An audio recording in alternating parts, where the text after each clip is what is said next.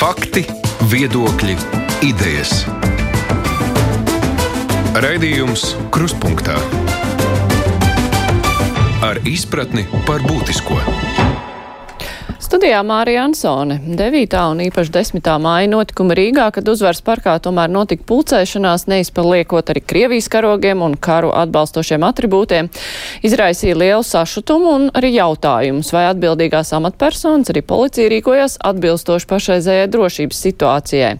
Policijas vadība atzīst, ka uz vietas ir pieļauts kļūdas, kā arī nav pildīts vadības pavēles. Nacionālā apvienība ir pieprasījusi attīstībai pār pārstāvētās iekšlietu ministrs Marijas Golubevas demisiju. Tikmēr saima pieņēmusi likumu, kas atceļ juridiskos ierobežojumus uzvaras parka padomu pieminekļa nojaukšanai. Par šiem un citiem notikumiem mēs runāsim šai stundā ar žurnālistiem. Kopā ar mums ir Madara Friedrichsone, Latvijas televīzijas raidījuma, kas notiek Latvijā redaktore. Sveika, Madara! Sveika, Māra! Ats Rozentāls, laikraksta diena, žurnālists. Sveiks, Ati! Sveika, Māra! Toms Ostrovskis, TVNet grupas galvenais redaktors. Sveiks, Toma! Sveiki. Un mans kolēģis Aidis Tomsons, raidījuma kruspunktā vadītājs. Sveiks, Aidi! Sveiki. Um, nu, visu šo notikumu kontekstā ir ārkārtīgi daudz uzmanības pievērsts traktoram, un ziediem, kas tika šķūrēti. Uh, ir runāts arī par policijas un politiķu reakciju, uh, gan tajā brīdī, gan arī pēc tam. Bet, uh, nu, kopumā mēs gaidījām 9. māju, lai redzētu, nu, tam ir jābūt tādam lakmusa papīram par sabiedrības noskaņojumu, jo, nu, gribējās saprast, nu, cik daudz tad ir tādu cilvēku, kuri gatavi iet dienā, kad pasākumi ir aizliegti, jo bija skaidrs, nu, ka nāks jau, bet, nu, tad uh, neviens jau īsti nevarēja prognozēt, kā tieši tas izvērtīsies. Nu, tad kopumā, nu kā izskatās uh, vai Latvijas sabiedrībā tās lojalitātes problēmas, ja mēs runājam par cilvēku daudzumu, kas ir nelojāli, tās mums ir ļoti lielas, vai nu, bija sagaidāms, ka kaut kāda daļa, protams, tāda ir. Madara, kā, kāda bija tavi secinājumi, ieraugot visu?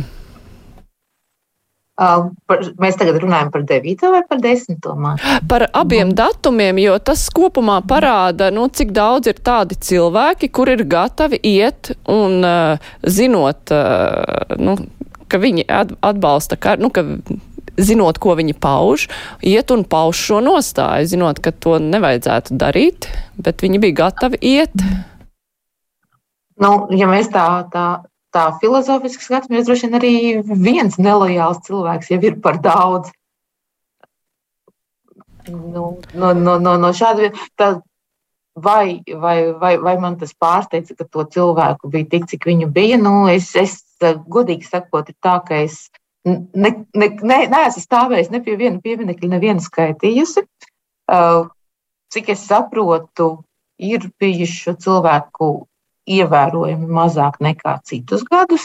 Tostarp pagājušo gadu un aizpagājušo gadu, kad šie ierobežojumi eh, visādi šādas pasākumus un tingeltangeļus rīkot bija noteikti dēļ eh, Covid-19 pandēmijas, jo viņi abas reizes iekrita šis 9. maija, nu, tajā laikā, kad bija ārkārtas situācija un bija šie pulcēšanās ierobežojumi noteikti.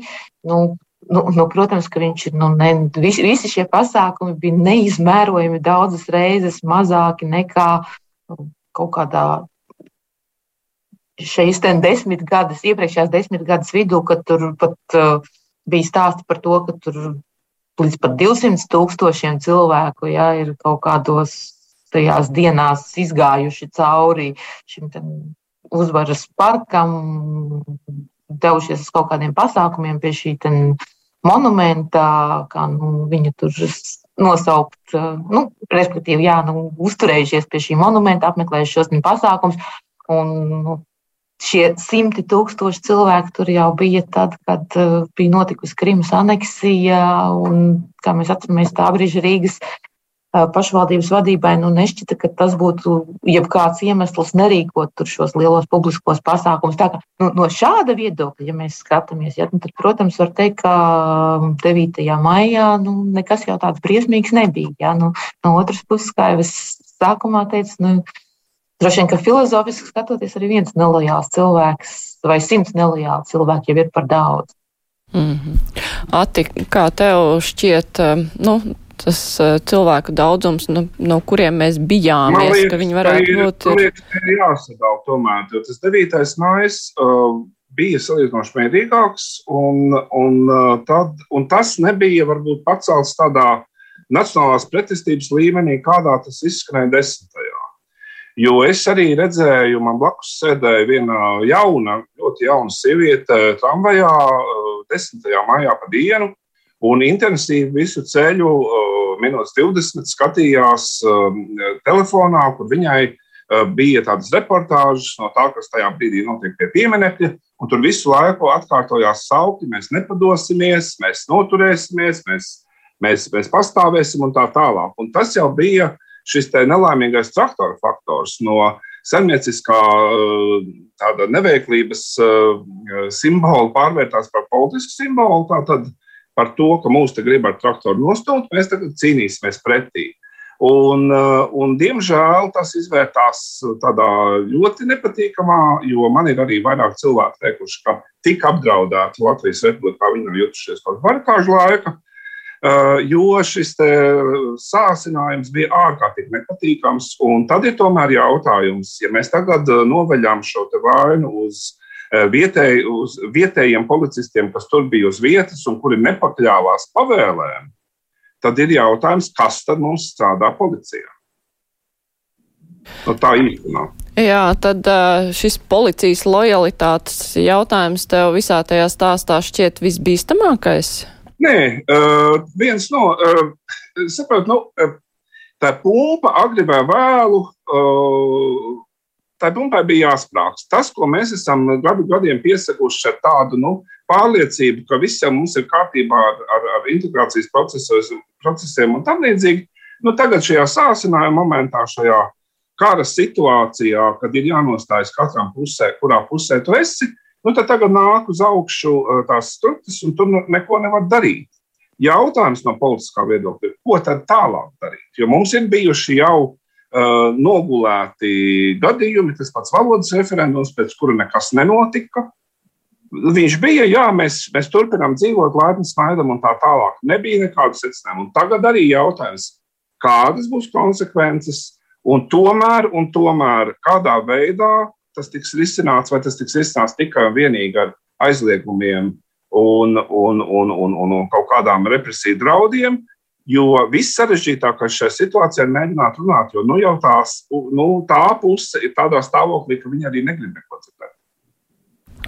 Tom, kā tev šķiet, vai pēc šīs nedēļas mēs varam izdarīt kaut kādus tādus nu, secinājumus par nelojalitātes apmēriem Latvijā un, nu, tiksim, cik bīstami tie ir. Jo mēs redzējām, tomēr, nu, ka notika gan kūdīšana, gan aicināšana. Bija cilvēki, kas atsaucās. Vai tagad var nu, novērtēt riskus, ar ko mēs reāli varam saskarties?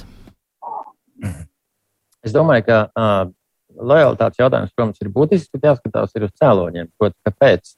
Kāpēc mums ir? Jo traktors jau nav galvenā kļūda, kas bija šeit. Uh, ir svarīgi uh, saprast uh, un, un labi, acīm redzot, sapratni ir rīcības trūkums.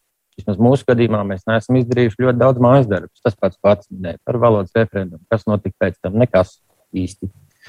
Krimas okupācija tieši tas pats. Un, man jau šķiet, ka, mm, ja Mēs šādi maļamies regulāri un sistemātiski uz priekšu, un pēc fakta reaģējam, jā, pašausminamies, un jā, bija apdraudējums, un, un nāk, atnāk nākamais gads ar citiem līdzīgiem apdraudējumiem. Mums ir identiska situācija, identiska rīcība. Tad tas lojalitātes jautājums jau nav risināms uzreiz, tagad, tūlīt, šodien. Skaidrs, ka tas ir jādara katru dienu ar ļoti daudziem dažādiem lēmumiem. Ne ne obligāti tikai politiski rakstura lēmumiem. Jo, jo faktiski jau mēs jau nepamodāmies uh, nec 24. februārī, nec 14. gada līdz ar, uh, nezinu, pēc Maidana protestiem Krīmas un, un Donbass, Luhanskas teritorijas okupācijas laikā. Nu, Tas mums ir jādara nepārtraukti. Mēs to neesam izdarījuši. Tas ir mūsu mājas darbs, un tāpēc tā atbildība pavisam noteikti ir. Nu, es negribētu dalīt konkrētas pusēm, starp šķietami lojāliem iedzīvotājiem un, un acīm redzami nelojāliem. Jo faktiski jau ir tā, ka mēs neesam devuši iespēju šiem cilvēkiem mm, asimilēties vai integrēties. Un tas ir tas, kas ir mūsu akmens, mūsu pašu dārziņā. Ja faktiski jau ir tā, ka, ja, ja es un tā, protams, tā izpratne neveidojās dienas laikā, būtu jau ļoti jauki, ja tā mums būtu bijis šodien, bet plānojot rīcību, preventīvi, ko darīt 9. maijā, kas acīm redzot arī iztrūka, nezinu, starp institucionāli vai starp represīvajām institūcijām. Kaut kas netika saskaņots vai neapmainījās ar informāciju, bet uh, reāli jau ir tā, ja es eju pie pie kāda simbola, kas šajā gadījumā ir Latvijas okupācijas simbols, nolieku ziedus, tas nozīmē, ka es atbalstu. Es esmu piekritīgs. Es, es redzu, ka tas ir tas, kas mani interesē, kas man patīk, vai kam es piekrītu. Jo nav jau svarīgi tā mūsu pārliecība. Vienalga, vai tas ir lojāls vai ne, nelojāls iedzīvotājs. Bet tieši rīcība jau nosaka, kas mēs esam, ko mēs domājam. Un, un šajā gadījumā, teiksim, tiem uh, iedzīvotājiem, vienalga pilsoņi, nepilsoņi, nav svarīgi, kas uh, vai trakoja, vai aizgāja pieminēt vectēvu, vai propagandas uh, dzīti, vai citas pārliecības vadīti aizgāja pie pieminekļa. Viņi jau redz, kā mēs reaģējam. Viņi zina, ka tā konfrontācija ir iespējama, un, un caur konfrontāciju, konfrontācija pēc būtības ir ļoti labs veids, kā novērst uzmanību no patiesās problēmas vai patiesām problēmām.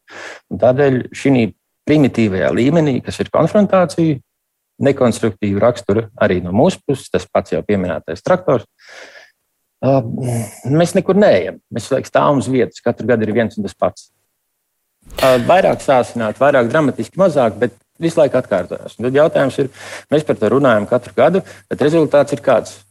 Labi, neidentisks, bet līdzīgs. Ko mēs varam darīt? Nu, labi, vēl par to, kā katrs ir uztvēris šos notikumus aidi. Uh, nu, kādi bija tavi, nu, kā galvenie, uh, nu, galvenais, ko tu pamanīji šajās dienās, un vai tur ir kaut kas, kas tevi biedē? Domājot par to, nu, kādā situācijā mēs esam, jo tas jau viss ir, šī iekšējā drošība ir arī mūsu ārējā drošība. Nu, biedē man pilnīgi noteikti. Es domāju, ka viss jau mums te biedē uh, iespējamā tālākā notikuma, drīzāk attīstība. Nu, tas, kas notika, tas notika. Protams, ka tur ir ļoti daudz aspektu, par ko runāt. Es tā melnbalti, ja tādās kastītēs visu nespētu salikt. Tur man būtu daudz dažādas tās nianses.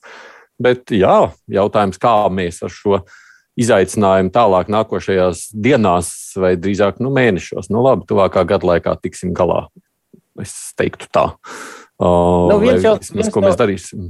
Jā, nu? Es atvainojos, ja es domāju, ka tu beidz. Protams, protams, droši, droši turpiniet.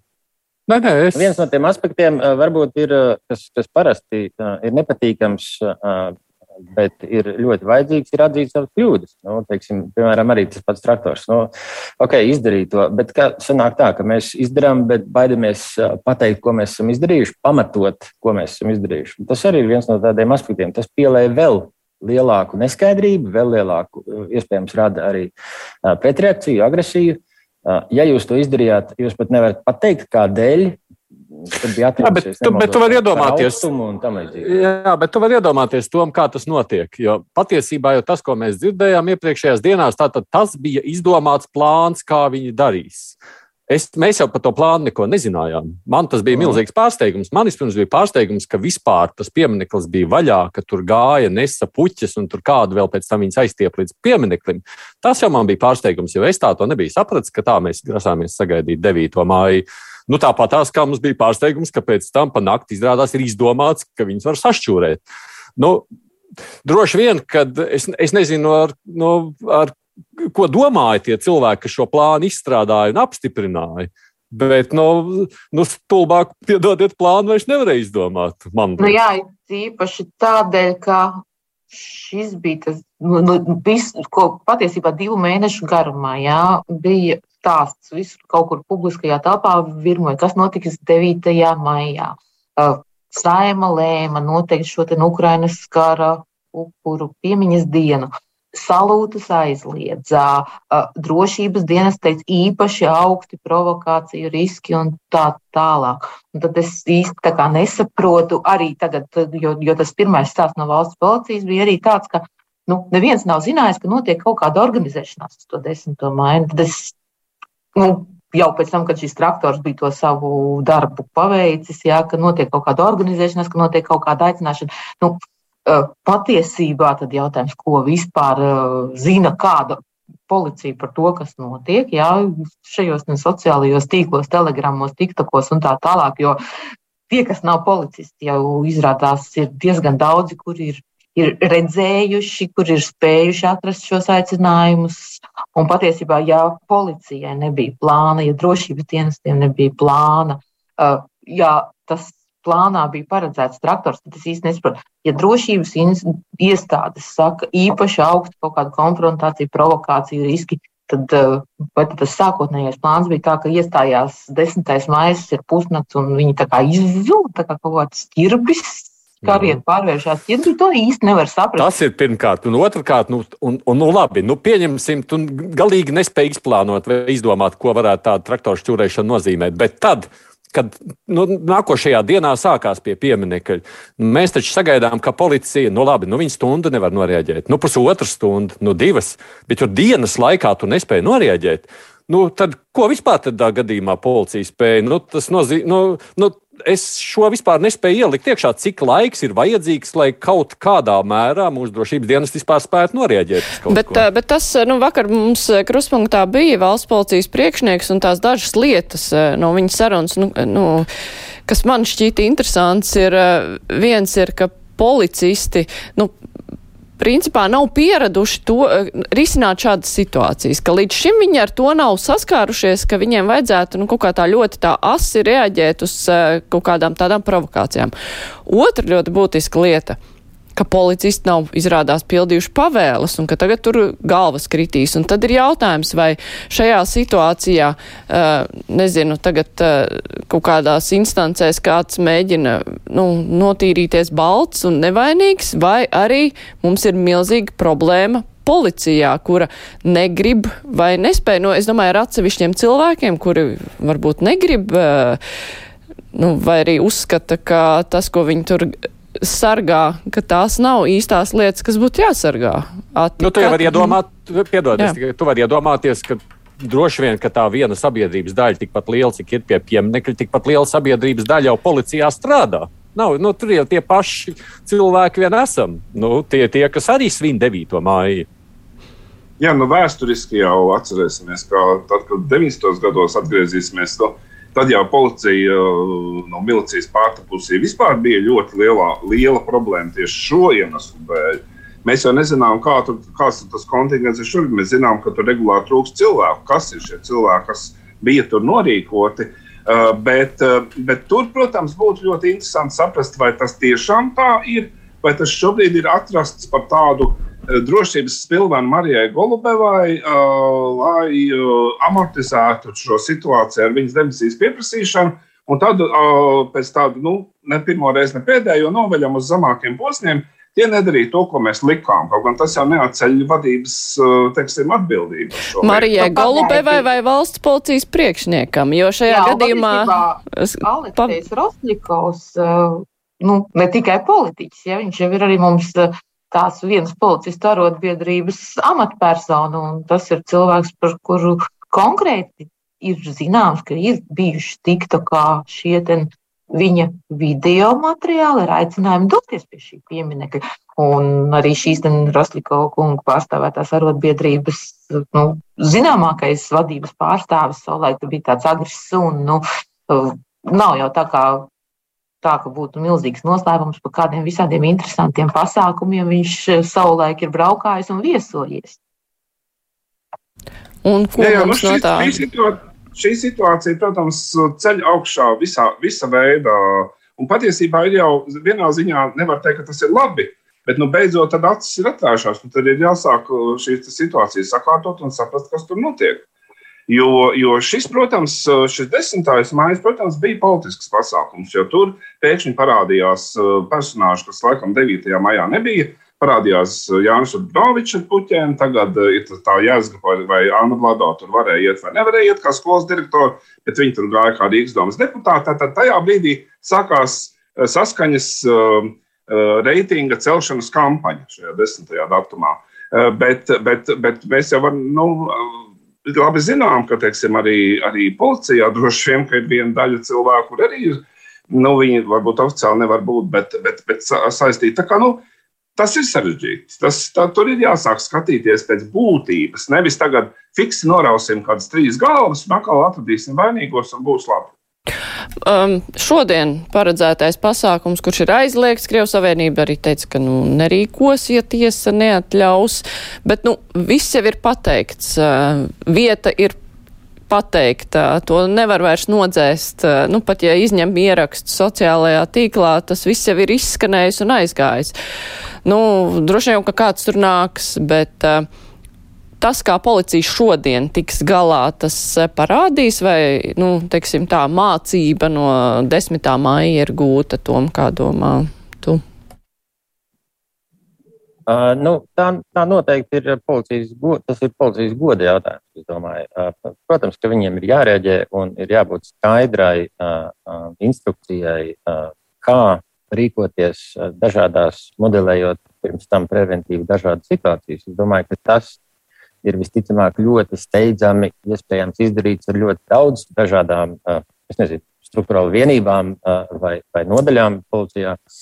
Bet tas arī, ko Atis minēja par, par šodienas pasākumu, proti, jā, diemžēl ļoti iespējams, ka tas pasākums šodien notiktu arī neatkarīgi. Bet faktiski mēs esam devuši iespēju realizēt pakārtotas sev parteiski vai citādi svarīgas lietas partijām, kas eh, vēlas izmantot esošo situāciju 9. un 10. māju. Kā, nu, šeit ir nu, neizbēgamas sekas un loģiski, ka policijai būtu jārīkojas adekvāti likuma kārtībā, bet ar skaidrām instrukcijām, kuras es ceru, es tiešām ceru, ir bijušas policistiem. Jo viena lieta ir dot rīkojumu, otrs, jeb cits pavisam izaicinājums ir reaģēt konkrētā situācijā, konkrētiem policistiem vai, vai vada nezinu, komandieriem, kurš var dot un reaģēt ātri, zibenīgi un uzreiz. Tās situācijas, lai arī ir paredzamas, tās vienmēr ir atšķirīgas. Tas ir, nu, ir komunikācija ar cilvēkiem. Un, protams, arī uh, iespējams kaut kādas represijas, kas nepieciešamas pret nepaklausību. Bet nu, policija jau var rīkoties. Gan maigi, gan nemaigi. E, jo ta, tas, kas arī līdz šim bija atzīts, nu, kad, kad 9. un 10. maijā, ka policija nu, rīkojās nu, tā maigais variants. Un tas arī ir bijis eh, manāms eh, visdažādākajos pasākumos, kur bija arī kaut kāda pulcēšanās ierobežojumi, kur cilvēki sanāca neatļauti, tad, nu, tur kādam tur tika aizrādīts, ja tur kāds sakaujās, tad, protams, tur var ielikt busiņā vai, nu, galīgs tur tāds fizisks konflikts veidojās. Bet, nu, principā tad, nu, paskatās tur pameklē, kas ir bijuši, aizsūta uh, administratīvā pārkāpuma protokols, droši vien tur jāsamaksā kaut kāds sots. Tajā pašā laikā nu, policija var būt arī bargāka. Nu, nezinu, uzreiz fiziski neļaut tur iet. Ja tur kāds stumjās, tad uh, bezmaz grūst projām. Es nezinu tās taktikas. Vai policijā ir jākļūst nu, bargākai, nežēlīgākai pret uh, nu, jebkāda veida tādu neatļautu pulcēšanos, jo nu, līdz šim policija ir bijusi ļoti tāda uh, jauka pret tiem, kas pulcējās. Madara, kā tu domā? Nē, nu, nu šis, šis patiešām ir tāds ļoti jau jautājums. Nu, es, es īsti nezinu, kā, kā tieši viņiem būtu jārīkojas. Tur mums vajadzētu tā kā, uh, es pat nezinu, kā, kā Latvijā sauc to, ko Krievijā sauc autozaks.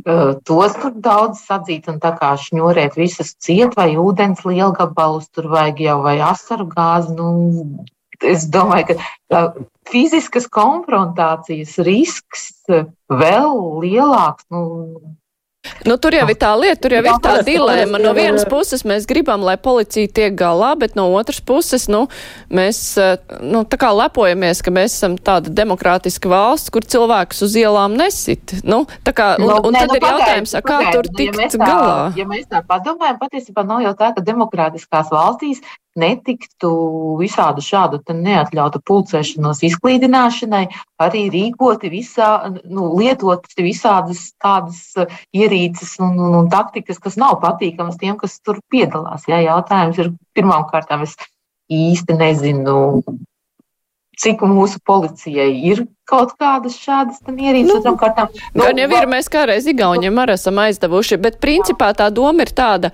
vai policijai ir jābūt bargākai. Nu.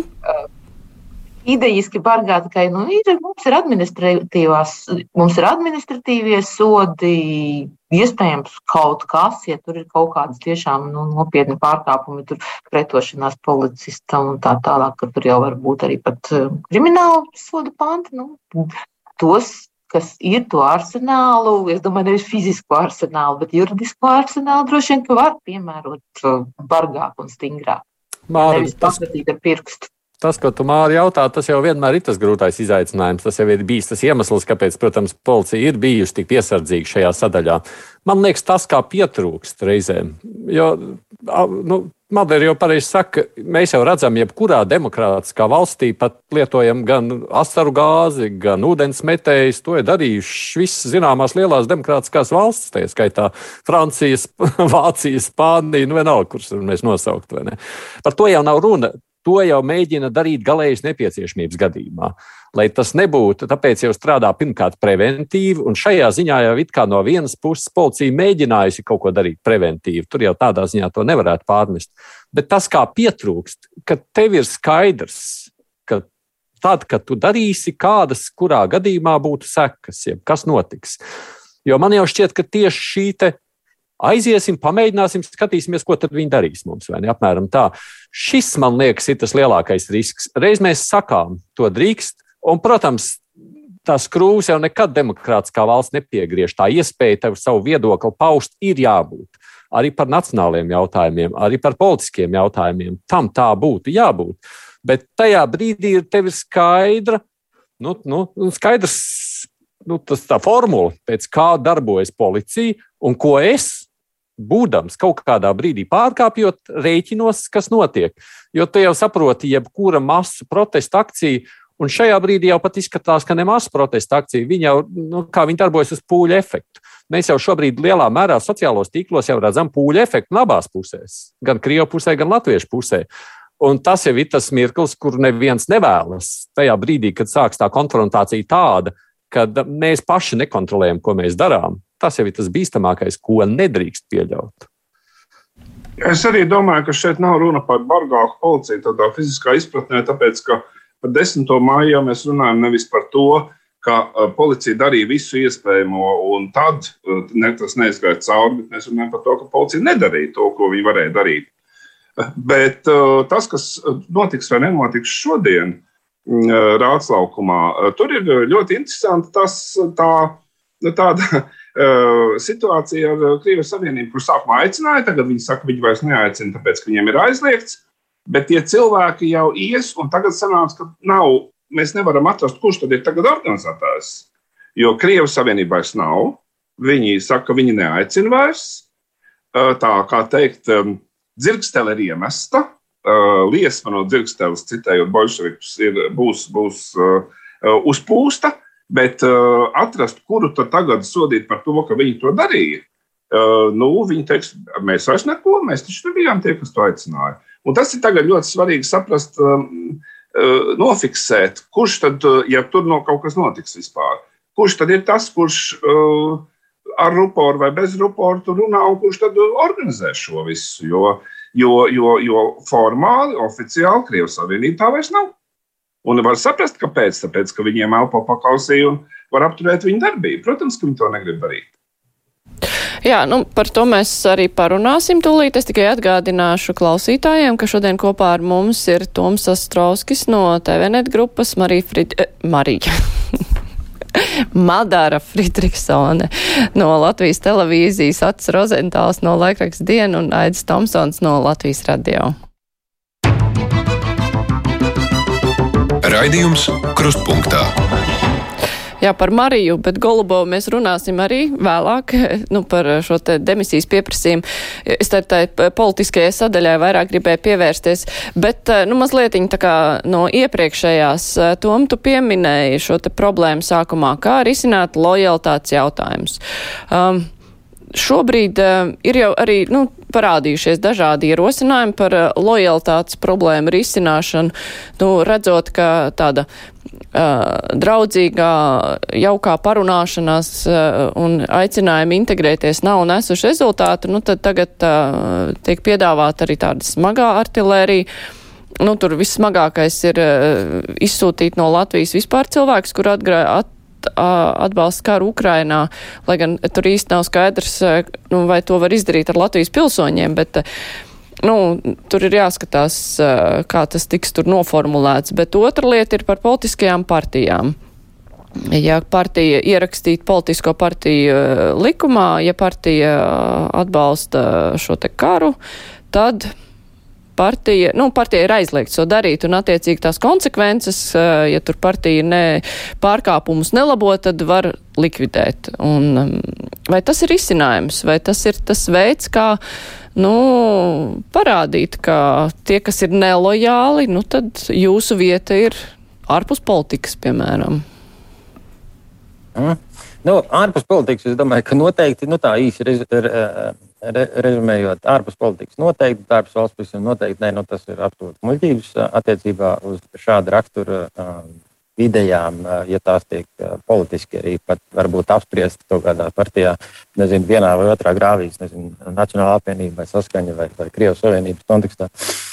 Bet nu, man, man šķiet, ka te ir divi, divi lieli bloki. Proti, viens varētu būt tas ilgtermiņa lojalitātes jautājums, ko mēs varētu risināt, bet arī tā nebūs panacēja. Proti, izglītība valsts valodā, par ko tika beidzot nolemts pēc cik daudz desmit gadiem. To mēs darīsim. Labi, tas ir ļoti skaisti, bet tā nebūs panacēja. Tas ir ilgtermiņa savukārt. Kā rīkoties um, šodien, tagad, rīt un, protams, arī nākamgad. Uh, nu, es domāju, ka dažādi ierobežojumi attiecībā uz kara noziegumu izdarīšanu no Krievijas puses Ukrajinā. Es domāju, ka pavisam noteikti vajadzētu nonākt līdz kopsaucējiem, kaut kādam kompromisam, kas uh, leģitimizētu iespēju dažādiem liegumiem nākt, uh, nu, tos dažādos liegumus arī realizēt uh, likuma kārtībā. Bet tiem ir jābūt izsvērtiem, ļoti izsvērtiem. Un pavisam noteikti ne, nekādā gadījumā nedrīkst uh, veicināt retoriku, kas saistīta ar nezinu, cilvēku izsūtīšanu vai, vai tam līdzīgi. Nu, nu, manuprāt, tas pats par sevi jau ir cilvēktiesību viennozīmīgi pārkāpums, un lai nerunātu vairāk. Es domāju, ka tie divi bloki ir būtiski, bet tas tekošais šodienas, ko mums vajadzētu darīt, nu, tas ir, manuprāt, diskusijām atvērts un tam arī vajadzētu būt ļoti aktuālam, īpaši pirms saimnes vēlēšanām. Jā, bet, nu, teiksim, tas piemērs, ko Ats minēja par uh, atbildību par uh, šo, šīs dienas pasākumu, sākumā aicinājām, pēc tam vairs neaicinām. Nu, tieši tāpat ir arī bet... attiecībā, nu, ja partijai ir aizliegts uh, slavināt karu, nu, vakar slavinājām, šodien neslavinām. Un, principā, tur nu, ir. Tā jau ir tieši. Es saprotu, jā, nu tā ir tieši, tieši tāda pati problēma, kā attiecībā, piemēram, mums bija, es nemaldos, ar vienu sektu. Uh, represijām institūcijām bija problēma, un arī Tieslietu ministrijai, ka viņi neievēroja pandēmijas ierobežojumus. Nu, tad ir jautājums, nu, ja ir tiesiski leģitīvā kārtā iespējams šai reliģiskajai organizācijai, vai neteikt, sekta, anulēt licenci, tad to var darīt. Jā, tam būs arī nevēlamas konsekvences. Viņi pulcēsies tāpatās, un, bet to var izsnāt jau pēc tam. Nu, tieši tas pats arī ar partijām. Ja partija atklāti atbalsta karu Ukrajinā, vai es nezinu, kādu citu karu, kas, kas ir uh, arī mums aktuāls tepatās Eiropas teritorijā. Uh, nu, tad ir attiecīgi iespēja arī reaģēt, bet tas vispirms ir jādefinē skaidri, lai nebūtu interpretācijas, kuras var pēc tam arī pārprast un, un piemērot gadījumos, kad tas kādreiz tieši nav vajadzīgs darīt. Aidi, šāds likums ir vajadzīgs, nu, kas varētu ļaut likvidēt partiju, un vai, vai kaut ko var izdarīt, kā tev izstāst līdz vēlēšanām, jo droši vien, ka tas ir tas, uz ko, nu, varbūt skatās, lai šādi cilvēki nekandidē saimnes vēlēšanās, turklāt, nu, viņiem reitingi jau kaut kādā daļā sabiedrības pieauga. Nu, man jau liekas, ka tā, tas princips jau, vai tā ir partija vai tie ir cilvēki, es domāju, būtu jābūt viens. Nu, ir kaut kādas robežas, kuras tiek nospraustas, un droši vien nu, jā, karš, slepkavošana, jebkura veida tāda agresija, ko mēs sakām, ja kaut kas tiek publiski pausts, nu, tāpat kā līdzīgi kā ir ar holokaustu, vai ne? Ja tu uzskati, ka holokausts nav, tad tev nav vieta politikā. Tā jau ir tāda, nu, es domāju, arī no tādas starptautiskās prakses ļoti saprotama lieta. Tur nebūtu nekāda problēma ar to. Tik daudz, ka, protams, kaut kā aizliekšana jau neatrisina ļoti daudz problēmas. Tā, tā ir tikai tāda, nu, jā, jā, kaut kā pieraušanās. Rezultāts ir labs, un tas arī ir svarīgi, vai ne? Vismaz publiskajā telpā tā ir būtiska lieta.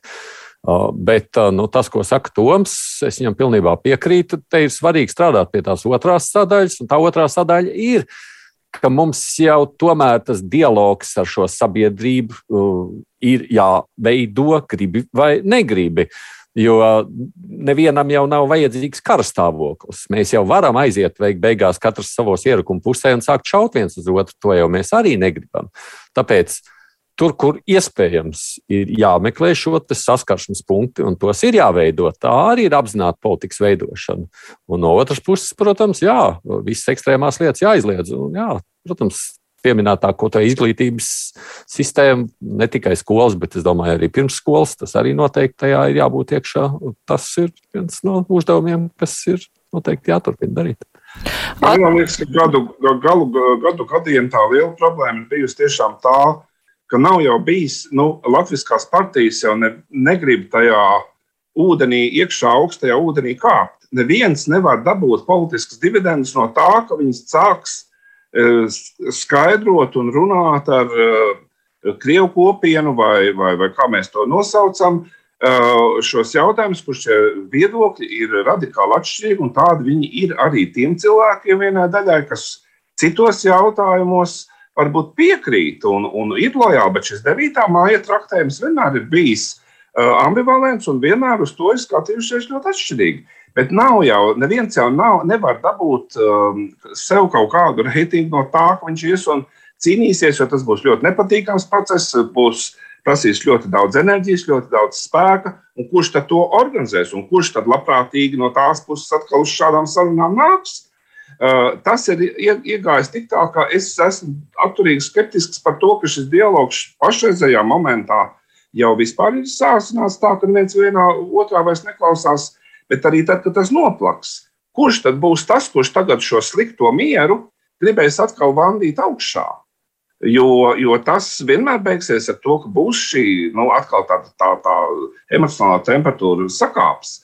Bet tikai ar represīvām metodēm un tikai ar aizliegumiem mēs neko arī nevaram izdarīt. Kamēr cilvēki paliek pie savas pārliecības, ka, ka, ka te ir tā, kā ir, un, un, un teiksim, arī saskaņa, kur ļoti strikti, kur uzliek savā kongresā atbalsta plakātu Ukrainai, bet tajā pašā laikā kliedz rokas no pieminekļa.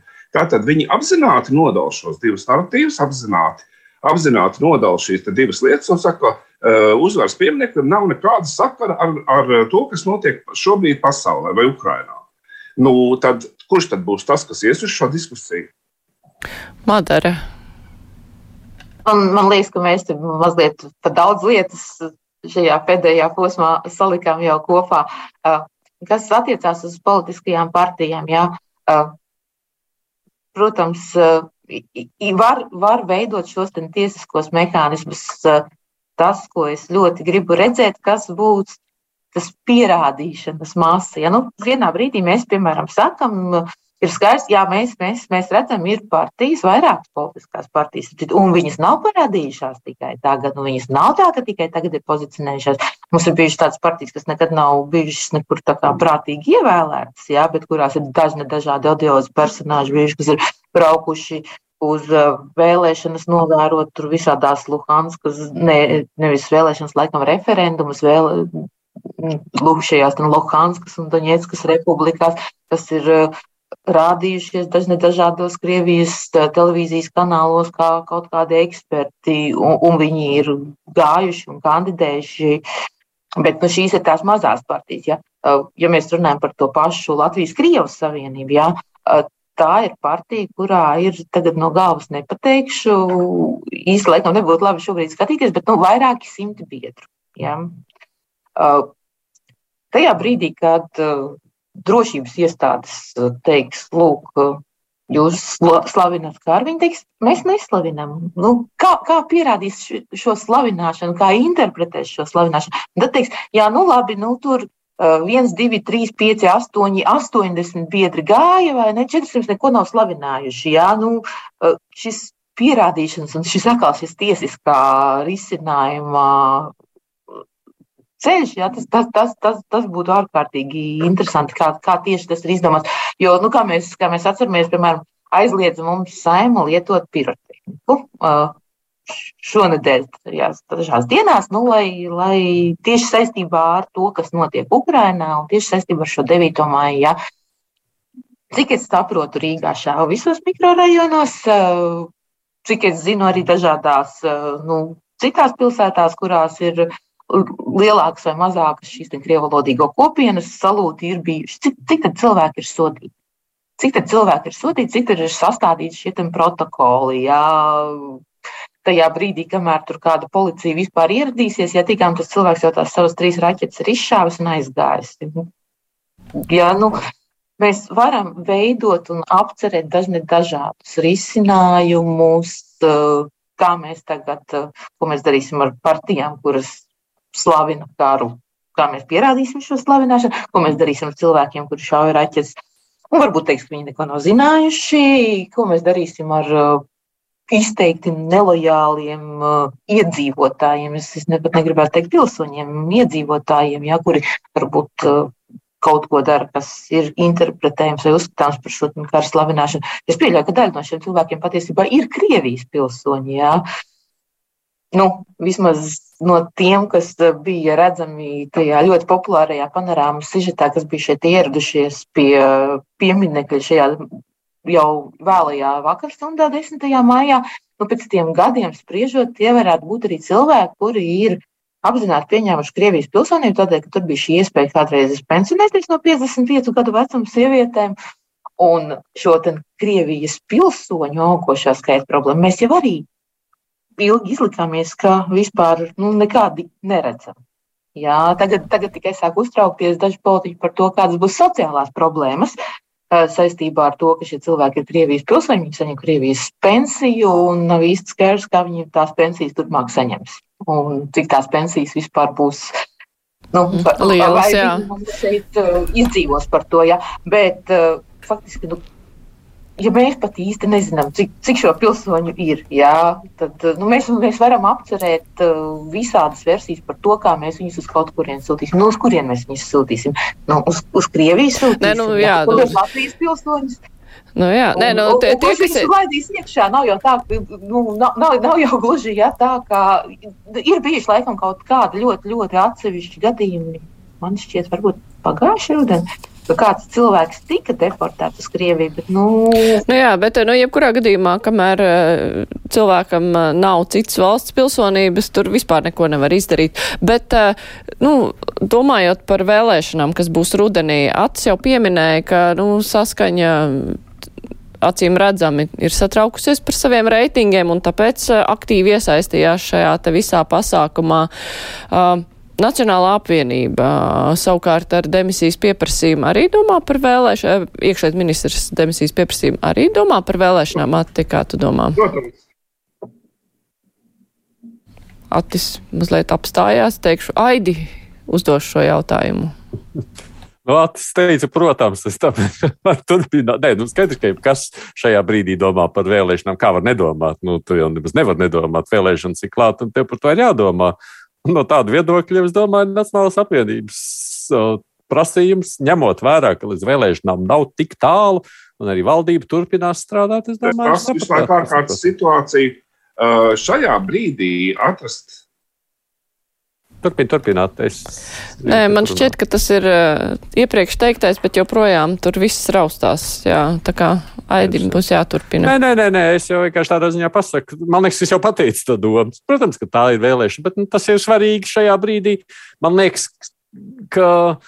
Ja nu kādam būtu jāpadomā vairāk par šobrīd par vēlēšanām, tā ir arī attīstībai par. Man liekas, ka viņi Viņi, man liekas, nepadomā šobrīd. Mm -hmm. Ati, tu vari turpināt, tu pazudi un atgriezies. Mēs dzirdējām tikai protams. Protams, tagad mēs tagad Protams ka domā par vēlēšanām. Tas bija viss, ko mēs dzirdējām. À, protams, ka viņi domā par vēlēšanām, un no tā brīža es nedzirdu, vai es paspēju tik daudz jau sarunāt. Nu, respektīvi, ātri cerībā, ka nenobruks vēl vienreiz. Tā tad. Um, Nacionālajai apvienībai pirmkārt ir iespēja demonstrēt stāju uh, attiecībā pret uh, iekšējās ministrijas uh, bezobaino rīcību No otras puses, ja viņi iziet šobrīd no valdības, viņiem ir ļoti divas, divas no trim viņu ministrijām šobrīd ļoti neizdevīgas priekšrošanas situācijā. Ekonomikas ministrija un zemkopības ministrija, kurās abās ir jādzēš ugunsgrēks no rīta līdz vakaram. Ir enerģētikas krīze, lauksaimnieki kliedz, ka viņiem vajag uh, ārkārtas situāciju, visi PVN jautājumi, kas visu laiku no opozīcijas puses arī gāžas virsū tā tālāk un tā tālāk. Un tā tālāk šajā brīdī noņemt no sevis atbildību, aizsadzoties ar citu iemeslu, patiesībā arī ir politiski ārkārtīgi vilinošs. Uh, jo, jo nu, tur, tur, protams, mēs nevaram pār, pārmest viņiem, ka viņi obligāti šī iemesla dēļ to grib darīt. Bet principā izslēgt to nevar, ka viņiem arī šī iespēja. Mēs turpināsim atbalstīt valdību, bet mūsu ministri valdībā nebūs. Nu, kas tad tas būs? Tad politiskā atbildība nebūs. Mēs tikai atbalstīsim. Tom, kā tev izskatās? Nu, attiecībā uz teiksim, saimnes vēlēšanu, tu, man, man godīgi uztrauc viena vien lieta, kam atbildi diezgan grūti ir sameklēt, drīzāk jau pēc fakta konstatēt, vai faktiem, proti, ka mm, vai Man līdzīgi šķiet arī teiksim, pandēmijas griezumā, vai, vai šis ir laiks, vai teiksim, pandēmijas laiks pirms uh, Krievijas iebrukuma Ukrajinā, ir, ir laiks, kad uh, populisms kļūst mazāk populārs un aktīvs, vai tieši pretēji ir vairāk, uh, ir radis vairāk, lielāku auditoriju, plašākas masas, dažādākas soci sociālās grupas. Un, teiksim, kara griezumā, mm, es domāju, ka šis jautājums, vai varbūt šādi, tad, varbūt arī filozofisks skats, bet tomēr šī diskusija nav bijusi pietiekama arī rietumu sabiedrībās, ne tikai teiksim, mūsu reģionā. Un karš faktiski to diskusiju diskusijas iesākumu vai, vai sakni, saknīti apcirta. Mēs palikām faktiski turpat, kur esam. Respektīvi, nav skaidrs, kā, tad, eh, kā, kā tas varētu būt uz priekšdienām. Un savukārt enerģētiskā krīze, kas ir faktiski Krievijas iebrukuma dēļ Ukrainā, kas kļūs tūlīt ļoti akūta dzīves dārdzība, jau ir stipri lielāka nekā tā bija pirms, teiksim, tā pašā decembrī, janvārī. Es domāju, ka saimnes vēlēšanas varbūt paspēs iesprāgties, un mums būs līdzīgi daudzpartiju uh, tāds konglomerāts, kas spēs varbūt līdzvērtīgi, neteikšu labi, bet līdzvērtīgi reaģēt uz notikumiem, kā to, varē, kā to darīja šos līdzinājos četrus gadus, bet tikpat labi varbūt arī vadzis var lūst, teiksim, prozaiski. Un saimnes vēlēšanu, teiks, nu, tādu saimnes partiju, nākamo saimnes, nākamās saimnes partiju izkārtojums var būt vairāk noskaņots uz radikāliem lēmumiem. Nav obligāti tikai uh, enerģētikas jomā vai uh, piemēram, sankciju atcelšanas diskusijas, kas ir aiz kadra arī rietum, īpaši rietumē Eiropā, mazāk mūsu platumgrādos. Vai, vai nebūs tā, ka mēs faktiski ejam uz tādu Polijas-Ungārijas modeli? Un tas ir tas, kas man uztrauc visvairāk, jo tas absolūti nav tas, kā es redzu Latvijas perspektīvu arī nākotnē. Gan politiski, gan sociāli, gan ekonomiski. Madara, kā tev šķiet, vai nu, šis ir tas brīdis, kad kaut kādas tādas nu, partijas, kurām patīk visādas galējības, tad tagad var. Nu, tādā, tādā ziņā nu, iekšlietu ministrs demisijas pieprasījuma jau pēc būtības ir normāls process, nevis kaut kāda galējība. Jā, un, un, nu, nebūtu pirmā reize, ka kāda partija īsi pirms vēlēšanām, relatīvi īsi pirms vēlēšanām, ar vairāk dibinātu iemeslu vai mazāk dibinātu iemeslu atstāja valdību, jā, saskatot to, ka varbūt tās starta pozīcijas viņi sev vēlas uzbūvēt kaut kādas nedaudz labākas, jā, caur to, ka viņi nav valdības partija. Viņi var turpināt atbalstīt valdību, vienlaikus viņu kritizējot un sakot, ka nu, mēs, mēs jau neko. Mēs tagad par kaut kādām akūtajām īstermiņa problēmām, nu, kuras mums stāv priekšā, pilnīgi neapšaubāmi. Un, un uz vasaras beigām un rudens pusi droši vien, ka būs vēl akūtākas un sāpīgākas vēl lielākām sabiedrības daļām. Nu, mēs par to vairs neatbildam, mēs jau vairs neesam. Nu, tad šis te variants, ko Atis iezīmē, ka tas ir tas reālais, nu kā šo situāciju atrisināt, jo Nacionāla apvienība jau pateica, vai nu viņa vai mēs.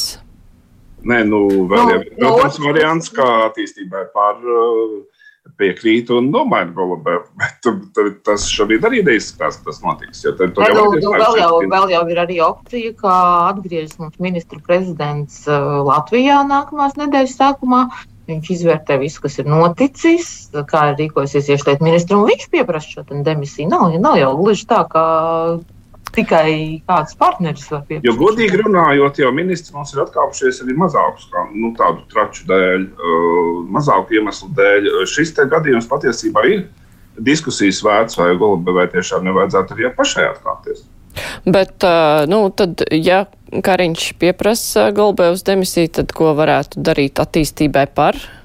Nu, tad atkal ir variants iziet ārā no valdības un stāstīt, uh, turpinot, varbūt atbalstīt uh, valdību. Nu, cik, cik nu vispār valdībai ir šajās ne, dažos mēnešos, nu, kam viņai ir vajadzīgs atbalsts? Uh, budžets nav jāpieņem. Jā, nu, nu, labi, jā, opozīcija var tur Eh, kaut kādus eh, demisijas pieprasījumus kaut kādiem citiem ministriem eh, sniegt, lai drupinātu šo valdību, mēģinātu vēl vairāk.